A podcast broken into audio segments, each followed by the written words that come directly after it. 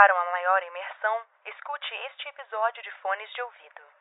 Antes de começar o episódio, não se esqueça de nos seguir no Instagram, pesadelos.cast, no Twitter, pesadeloscast e curtir nossa página no Facebook. Caso queira contribuir para o crescimento do canal, acesse apoia-se barra pesadelos. Aproveite o episódio e tenha bons pesadelos.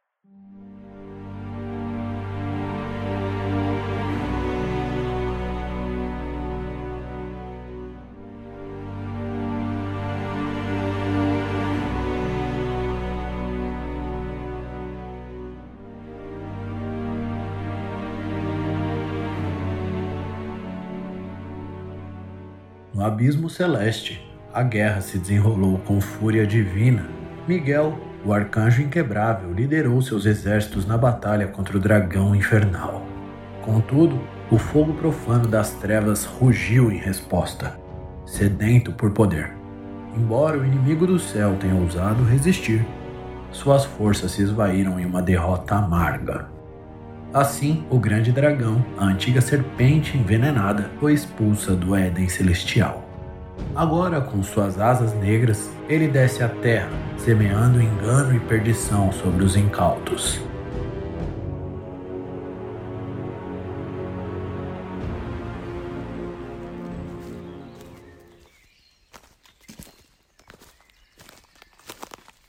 Eva, por William Camargo.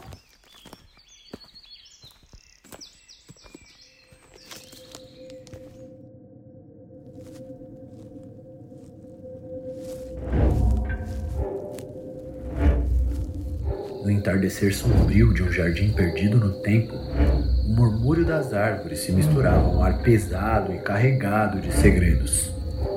Eva, a primeira mulher, caminhava sozinha. Seus passos ecoavam pela relva úmida. Uma sensação de inquietação a envolvia enquanto se aproximava de uma árvore solitária. De repente, uma figura escura emergiu das sombras deslizando silenciosamente para o seu lado. O brilho furtivo em seus olhos era inconfundível. Era Lúcifer, o anjo caído, portador da luz decadente. És tu, Eva, a escolhida entre todas as criaturas? Sussurrou ele, com uma voz carregada em uma sedução perversa. Permita-me envolver-te com minhas palavras, mostrar-te a verdade oculta nos recantos mais sombrios do conhecimento.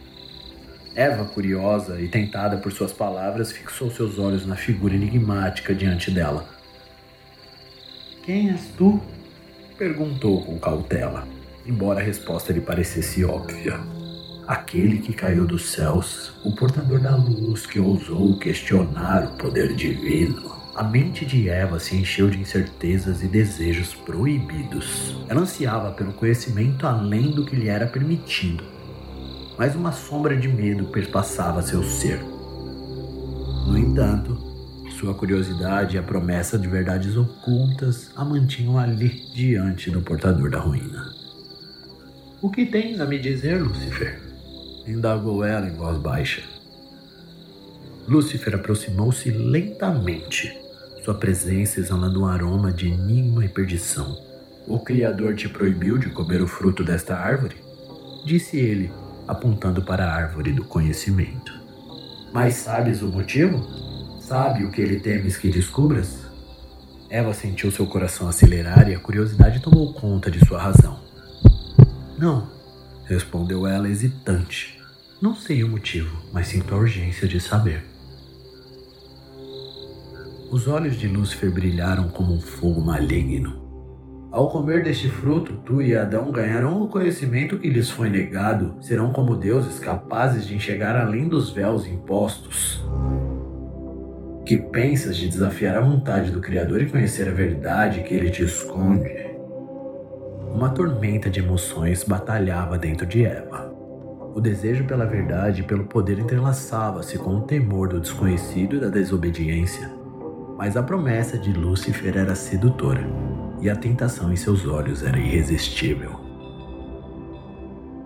Quando Eva segurava a maçã em suas mãos, O arcanjo de luz disse: Coma o fruto proibido e transcenda a inocência, pois somente ao experimentar a escuridão poderá verdadeiramente compreender a luz.